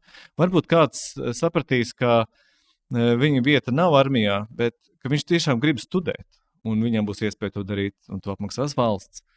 Vēl kāds varbūt sapratīs, ka viņš negrib būt ne armijā, ne studēt, bet viņš atrada sevī līdera talantu, ka viņš varēja komandēt, piemēram, nodaļu, un viņam tas labi padodas, un ka šis ir īstais laiks veidot savu biznesu. Norvēģijā, kad strādājam Norvēģiju uzņēmumā, tad nu, Norvēģijā pat darbā neņēma cilvēkus, kuriem nebija armijas izgājuši. Jo viņi vienkārši zina, ka tie, kas ir izgājuši armijas pieredzi, vienkārši ir ar kārtu labāki darbinieki. Jo armija ļoti daudz iemāca cilvēkam atbildības sajūtu un, un, un, un, un tā tālāk. Es nevaru daudz stāstīt, ko mēs darām, jo tie no, nu, laiki ir beigušies, ka, ka varēja pa zemes arī stāstīt visu, ko grib. Tāpēc šobrīd mēs pats esam tādā bišķiņa hibrīda kara apstākļos, tad skaidrs, ka mēs tā uzmanīgi. Bet tas, ko es gribu pateikt, ka armija jau sen vairs nav tāda, kā, tāda pirmā pasaules kara armija, ja, kur vienkārši tev iedod ieroci un mauc. Uh, faktiski, ja tev ir labas datorzināšanas, to dienēt kibervienībā, ātri vien sapratīsim, kas ir tās savas spējas. Uh, ir, nezinu, tev patīk, tu vari pārliecināt cilvēku, tu esi labs, nezinu, orators, ir, ir dažādas osmas nekinētiskās spējas, kas, ko armija attīst, kur tu vari iet un, nezinu, varbūt strādāt kādām cikliskām mhm. operācijām, mm -hmm. vai, piemēram, nezinu, būt ļoti labs, noderīgs uh, sociālos tīklos, tā kā to šobrīd Ukraiņa dara, un uzvarēt karu sociālos tīklos, kas, kā mēs redzam, jā, ir tikpat svarīgi, jā. kā uzvarēt karu kā, kaujas laukā. Respektīvi, katram atradīs uh, savu vietu. Kāds varbūt būs medīts un tā tālāk, tāpēc no, nevajag no tā baidīties nekādā gadījumā. Nu, šī ir ļoti vērtīga informācija, tāpēc, ka, manuprāt, ļoti daudziem ir nu, tas uzskats, ka viss, kas būs jādara, būs jādzīvo nedēļa tikai un vienīgi mežā, un tad visiem ir viens un tas pats. Un, Un, un, un, bet, tā, kad tu saki, nu, ir, ir taču tik daudz tie virzieni, kuros uh, ir noderīgi cilvēki. Bet tas arī būs. Cilvēki. Būs arī tajā mežā. Ne, nu, protams, jāpasēž. tu jau nevari droši vien uh, būt sastāvā, ja tu nesi spējīgs kaut kādas pamatlietas izpildīt. Bet, Nezinu, kā ir. Nu, kā, tu nevarēsi kā... būt labs komandā, ja tu, ne, ja tu nebūsi piedzīvojis to pašu, ko piedzīvo Jā. citi. Un, un, un, un, un, simtprocentīgi visi to, to, to ir izturējuši. Un arī tev šobrīd šo klausoties, liekas, ka tu nespēji nekad gulēt zem klājas, piemēram, debesu vairāk par, par vienu nakti. Tici man, mēs varam izdarīt daudz vairāk. Tā problēma ir, kur eh, mums dabīgi ir ielikta ļoti šaura komforta zona, ar tieksmi tikai samazināties. Mm -hmm. Un zemesēdz mums liek, uzliek to, to, to, to, to pienākumu, to komforta zonu nepārtraukti paplašināt. Bet tajā brīdī, kad tu esi ielicis vienreiz zāliņģī, tev vispār tas neliekas kaut kas tāds, ko tu nevarētu izdarīt. Tu, protams, neno, tas nenozīmē, ka tu tagad katru dienu lieks āliņķi, bet tu vienkārši no tā vairs nebaidīsies. Mm -hmm. Tu pirmajā naktī nepagulēsi zem tās klājas, te būs varbūt sals. Bet otrajā naktī tu sāksi domāt, kāpēc man salst. Varbūt tomēr pirms tās gulētiešanas man pamocīties to vienu minūti, novilkt tās lapjās drēbes, kas man apakšā ir nos, uzvilkt sausas, un tad visu nakti nogulēt siltumā. Un tu esi atkal kaut ko iemācījies, un tev vairs no tā nav bail. Un tādā veidā mēs katru dienu to komforta zonu padarām ar vien lielāku, kļūstam vienkārši paši noturīgāki un spēcīgāki. Tāpēc es arī noteikti e, iesaku, ka nu, tā pamatapmācība visiem ir jāaiziet e, vienādi. Un pēc tam, pēc tās pamatapmācības, mēs atradīsim to labāko piemēru e, pielietojumu. Nu, labi, ko nozīmē pamatapmācība? Pamatapmācībā faktiski tā ir programma, kas ir pilnīgi visiem vienāda, kur mēs iemācāmies sākot no ierindas mācības, beidzot ar to, kā nezinu, veikt uguni un kustību, un eh, kā palikt dzīvam eh, kaujas laukā. Tas ir būtībā garīgais, eh, galvenais. Jo, kā man teica ģenerālis Kerlins, armijā svarīgs ir trīs lietas - uguns un kustība. nu, un, tad, tas ir jāiemācās. Ja? Un tad, kad tu to zini un saproti, tad pēc tam arī, ja tu arī kibervienībās nezinu, strādā un strādā ar datoru, arī tev jāsaprot, ka varbūt būs arī situācija, ka nāksies atšaudīties. Mm. Tu vismaz zini, kā to darīt, nenogalinot pats sevi. Ja? Klausies, tu, kā, tu kad biji Rīgas mērs, tu uh, īstenībā esi viens no, te, lai neteikt vienīgais, uh, ne tikai Rīgas mērs, bet arī politiķis, kurš ir uh, publiski pamanāmi pamanāms tajā ziņā, ka tu uh, diezgan spēcīgi atbalstīji LGBTQ plus kom komunu. Latvijā. Es arī piedalījos Praida gājienā. Kā šie lēmumi tev nāca un kā, kāpēc tu nolēmi, ka tev ir svarīgi tur publiski parādīties? Jo tu taču varēji pateikt, atbalstu, labi, ejiet, dariet. Kāpēc tev, jo nu, tev priekšgājēji to nav darījuši? Nav arī, varbūt, labākajā gadījumā neko nav komentējuši, vispār teiksim, atļāvuši lietām notikt vienkārši.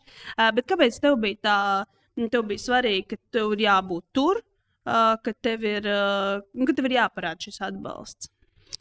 Nu, Pirmkārt, tas ir manā vērtību pārliecībā, ka uh, mums, pieaugušiem cilvēkiem, vajadzētu mazāk bāzt degunu citu pieaugušu cilvēku dzīvēm. Mazāk tiesāt, mazāk nosodīt.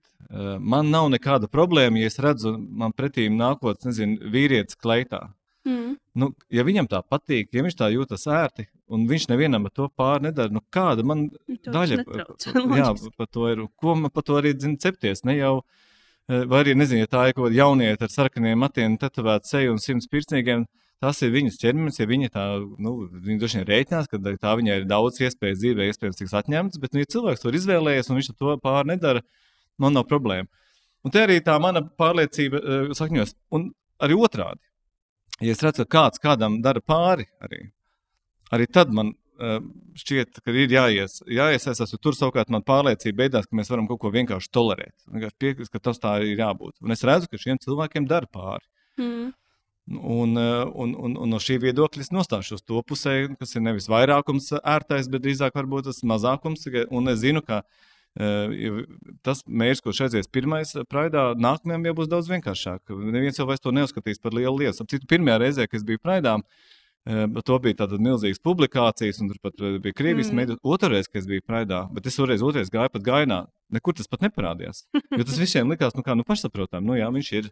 Pirmā reize vienmēr ir tā Mm. Jā, jā, grūtākā. jā. Nu, Nu, bet kaut kāds stereotips ar to tika lausts, un uh, tālāk jau tas ir uh, vienkāršāk. Nu, man nav, es, es vienkārši man ir, liekas, drīzāk neloģiski, kāpēc to, to, to, to nedarīt, nekā kāpēc to darīt. Es no tā nekādas politiskās dividendes nesagaidīju. Tieši otrādi es ļoti labi zinu, ka daudz vēlētāju, kas bija varbūt konservatīvi vēlētāji, drīzāk no manas dēļ tā novērsās nekā. Uh, bet, nu, ja es esmu solījis, ka es ejot politikā, nebūšu kaut kāds bailīgais, bet es drosmīgi darīšu to, kam es ticu, tad, nu, tad arī tā jādara. Nevis savādāk. Mm, Tieši tā, un ja mēs uh, visi droši vien stingrāk uh, nostātos. Es negribu izmantot vārdu vājāko pusē, bet tos, kuru, kurus apbižo nepamatoti. Tad, tad, tad, tad droši vien pasaule vispār būtu labāka, foršāka vieta.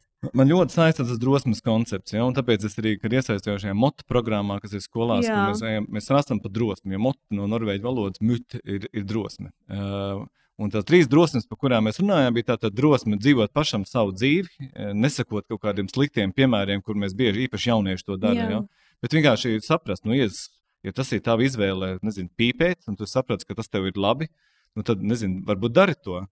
Bet varbūt padomā, nu, nu, ko tu to arī zaudēsi. Vienā sakot, ka tu pats esi patstāvīgs cilvēks un spēj nu, normāli drosmīgi pieņemt lēmumus. Otra mūsu tā drosme bija drosme rūpēties par citiem, Mm -hmm. kas ir Latvijā ārkārtīgi liela problēma, jo nu, teiksim, tas mobbings un, un bulīs, kas ir skolās, tas ir nu, ne, neaprakstāms. Īpaši tagad viņš ir kļuvis tāds neredzams. Jo manā laikā, teiksim, nu, vajadzēja sejā pateikt, ko tu, nu, ja tu gribēji kādu aprunāt. Jā, Vai jā. vismaz tu dzirdēji, ka kāds čukstās, tagad tas notiek e, sociālos tīklos un ir vēl sāpīgāk. Bet tā tad drosme iestāties par šiem cilvēkiem, pateikt, paklau, neaiztikt viņu. Viņš, ir, viņš nav, viņam, viņš, es redzu viņa vājības, bet uh, viņš ir, viņš ir ar mani. un tā. Nu, jā, un šīs, šie šīs drosmes uh, lietas ir, ir tās, kuras es, um, kas man liekas, sabiedrībā nedaudz mums uh, pietrūkst. Un, un man, man šķita, ka tu nedrīkst tikai runāt par drosmi, iet uz skolām, skolēniem, stāstīt, cik svarīgi drosme un pašam būt bailīgam Nerādīt politiķim. Jā. Nerādīt, piemēram. Nu, redz, tu, tu arī mini, jā, ka skolās uh, bulings ir tāda ļoti akt, aktīva tēma, aktuāla tēma. Mm, Bet, manuprāt, tā lielākā, man, man pašai ir uh, otrās uh, klases uh, skolēns mājās, un es redzu jau, jau ie- iedīgļu šim, ka sociālie tīkli un, un vispār tā saziņas iespējamība digitālajā vidē spēlē savu lomu arī ne tikai labās lietās, bet arī sliktās lietās. Bet uh, tas, kas mani visvairāk mulsina, ir, uh, jā, mēs runājam ļoti daudz par šo vardarbību un bulīgu skolās, bet kas notiek ar pašiem pieaugušajiem? Nu, nevajag tālu meklēt, pietiek atvērt uh, jebkuru ziņu portālu un apstīties komentāru sadaļu vai jebkuru kaut kādu publisko fórumu, kur kāds uzdod kaut kādu elementāru, nu, nekādu teiksim, jautājumu, un tur sākās miskaste uz līdzenas vietas. Un tad šie cilvēki ir tie paši, kas audzina šos bērnus. Un tad visi gudri moralizē, ka, nu, jā, skolās mums ir ap, vardarbība un apcelšanas un tam līdzīgi. Bet kas notiek ar pieaugušajiem? Es, es nezinu, vai nu, vai nu es dzīvoju kaut kādā tādā savā burbulī, kur nu, tas tā kā nav ok. Nu, tā, kā, tā kā tu saki, ir jāpasaka sejā. Nu, ja tu gribi kādam kaut ko pateikt, nu, pasaki sejā. Un tad, bet tur atkal tā drosme ļoti ātri noplūka. Un saka jau sejā, nu, tagad runājot ar tiem mototreneriem, nu, viena, viena reāla problēma šobrīd skolās ir krievu bērni. Jo katrā klasē ir, ir vairāki eh, krievu bērni, kas ir krievu, no krievu ģimenēm nākuši, kas vienkārši runā bez akcentu latviešu, kas labi mācās un tā tālāk, kuriem klase biedri saka, stulbēs krievs vācies uz savu Krieviju. Tā šobrīd ir milzīga reāla problēma skolās. Jo, mm -hmm. No kurienes viņi to ir dzirdējuši? Nu.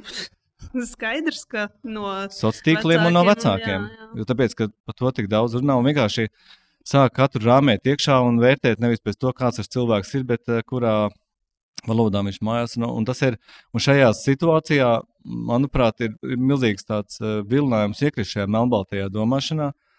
Un vienlaicīgi es uzskatu, tāpēc arī, ka nu, amatpersonām un sabiedrības kādiem domu līderiem nu, ir šeit jāieņem daudz uh, noteiktāka pozīcija. Es, piemēram, uzskatu, ka nu, tās personas, kuras um, tik ļoti sajūsmā par tādu um, akciju, kā piemēram Atkrievisko Latviju, laikam pat nu, nu, varbūt paši nesaprot, teiksim, kā jūtas uh, Krievijas bērnu skolā.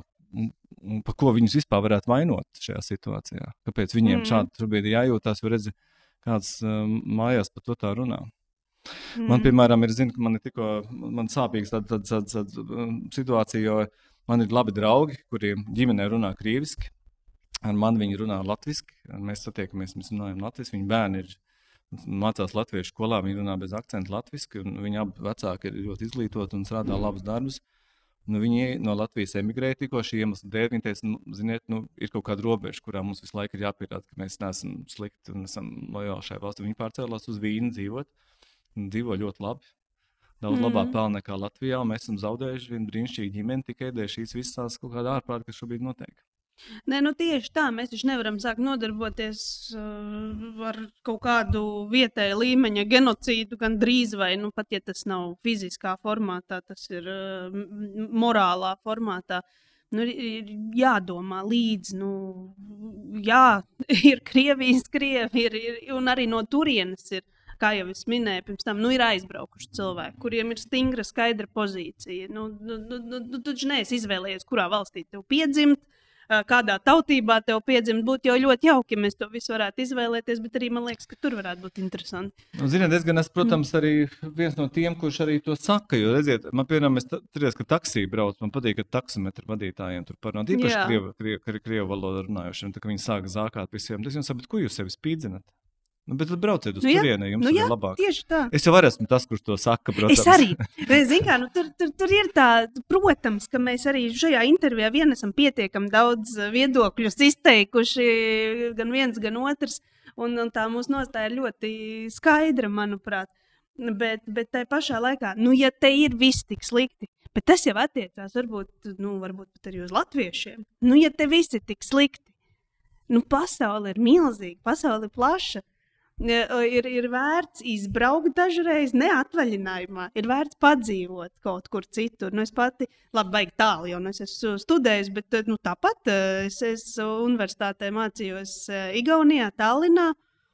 Un tad, kad tu tur sāc, sāc dzīvot, nu, Tas bija šķiet tā tāds atvaļinājums, jo tu iepazīsti to vidi. Un tad ir paiet gads, divi, mm. un tu saproti, ka tu ej pa tām pašām takām. Tu brauc ar to pašu, nu, kā students ar, ar autobusu, katru dienu brauc uz skolu. Un tu sāc redzēt visas tās ikdienišķās nepilnības. Un tāpēc man tagad, kad es, piemēram, klausos, jā, Igauni mums ir gaismas gadus priekšā. Jā, kaut kur var būt, visticamāk, jā, bet ir lietas, kas, um, kur mēs esam priekšā. Un, nu, kā, nu, tieši, tieši tā kā tu saki, nu, mēs varbūt nepalepojamies. Mums ir ļoti raksturīgi, ja izsaka arī kaut vai tādā ikdienas līmenī, izsaka komplimentu ai, nē, nu šitā vecāka, lai nu, šitā jau veca. Nu, tā kā uz tādām elementārām lietām mēs pat ne, nespējam izteikt bieži vien komplimentus, ne viņus pieņemt, man šķiet. Un, un tas ir attiecināms arī lielākos tādos kaut kādos. Tad kaut ko dējam sevi, ka nespējam. Bet... nu, nu, jā, nu, tur jau tā mums ir jāstrādā ar sevi. Un tas ir droši vien pats galvenais, ka, ka prakse, prakse, prakse un jāstrādā ar sevi. Rezumējot lēnā garā šo sarunu, um, šī būs, šī saruna iznāks neilgi pirms Ziemassvētkiem, nākošais nedēļa. Un, um, ko tev nozīmē Ziemassvētki? Vai tev patīk, vai tu esi viens no grinčiem, vai kā tur īsti ir ar tiem svētkiem, tev un, un, un, un tavā ģimenē, vai jums varbūt ir kādas tradīcijas, īpaši Ziemassvētku? Mēs esam pieraduši Ziemassvētkus nesvinēt bieži vien Ziemassvētku dienā, bet mm. uh, citā dienā. Tāpēc, ka visi mūsu mū, uh, ģimenē ir kaut kādā veidā saistīti ar kaut kādu pašdarbību vai mūziku. Mums mm. parasti bieži vien tās uh, Ziemassvētku laiks ir uh, laiks, kurā mēs priecājam, priecājam citus. Jā. Gūstam no tā milzīgu gandarījumu prieku, tur nav nekāda problēma ar to. Uh, Skaidrs, ka tagad, ka vienu brīdi, kad bija nu, bērniem, mēs nevaram atņemt Ziemassvētkus, mēs, protams, ka nosanām, bet lielākā parasti svinīs pat noteiktajā dienā, kas ir nākamā dienā pēc Ziemassvētkiem, kad mm. visi dzimti sanāk kopā. Un, hei, nekas, nu, nekādā veidā Ziemassvētku sajūta no tā nemazinās. Nē, noteikti. Svētkus jau radām sev mēs paši. Un... Un, un, un tu esi tik daudzpusīga persona, ka man šķiet, ka mēs šajā sarunā nos, nosedzām ļoti, ļoti mazu uh, tavu vispār dzīves daļu, mēs ne, nepieminējām ne to, ka tu esi dziedātājs. ka, Jā, es vispār izmantošu izdevību. Es nezinu, kad šis redzējums ies gaisā, bet uh, 21. datumā, pat netālu no jums, uh, mm, notiks viens brīnišķīgs koncerts vienam ģeniālam puisītim Haraldam. Viņš, diemžēl, šobrīd ir slimnīcā. Uh, viņa atbalstam oratorijam. Tā ir tāda zāle, kur ir sporta mm -hmm. kvartāls, jau sporta iela divi, laikam tā saucās. Un tā kā Jā. jums ir laiks 21. datumā atnākt un viņu atbalstīt tādā veidā, viņa cīņā arī pret viņas slimību, jūs, jūs mums ļoti palīdzētu. Paldies, paldies par šo informāciju. Es ļoti ceru, ka mēs paspēsim palaist epizodi pirms šī datuma. Um, un noteikti pastāstīsim arī tālāk, uh, jo, jo nu, Ziemassvētki uh, atver sirdis, arī tādas, kas visu gadu varbūt ir bijušas skrējienā un nocietinājumā kaut kādā. Bet man šķiet, ka šis ir tāds brīnišķīgs laiks galvenokārt, lai piestātu, mazliet paskatītos uz aizvadīto gadu. Tas ir bijis gana krāšņs mums visiem. O, jā. Vai ne? Bija, Galu galā, kas tik, kas tik šogad nenotika, un man šķiet, ka ir vajadzīgs visiem mazliet piebremzēt, un uh, paskatīties uh, gan uz iekšķiņu sevi, gan arī uz āriņu, un, un, un mazliet pareflektēt gadu, lai ar atkal ar jaunu gadu sāktu ar jaunu kaut kādu spēku un jaunu enerģiju. Jā, mēs varētu apņemties nākamā gadu katrs iedrošināt vismaz vienu cilvēku. Un teikt, ka un iedrošināt Brīnišķīgs viņu, ieteikums. Jā, ka, ka pat ja tev neizdosies, vienalga lūdzu pamēģini. Ar to, ar to jau mēs pietiktu, lai mēs kļūtu ar kārtu labāki. Izcils, izcils ieteikums. Paldies, tev, Lielas Mārtiņa! Lai tev viss izdodas, kā tu esi iecerējis, un vēl mazliet labāk. Paldies! Paldies. Priecīgs mākslinieks visiem! Atā!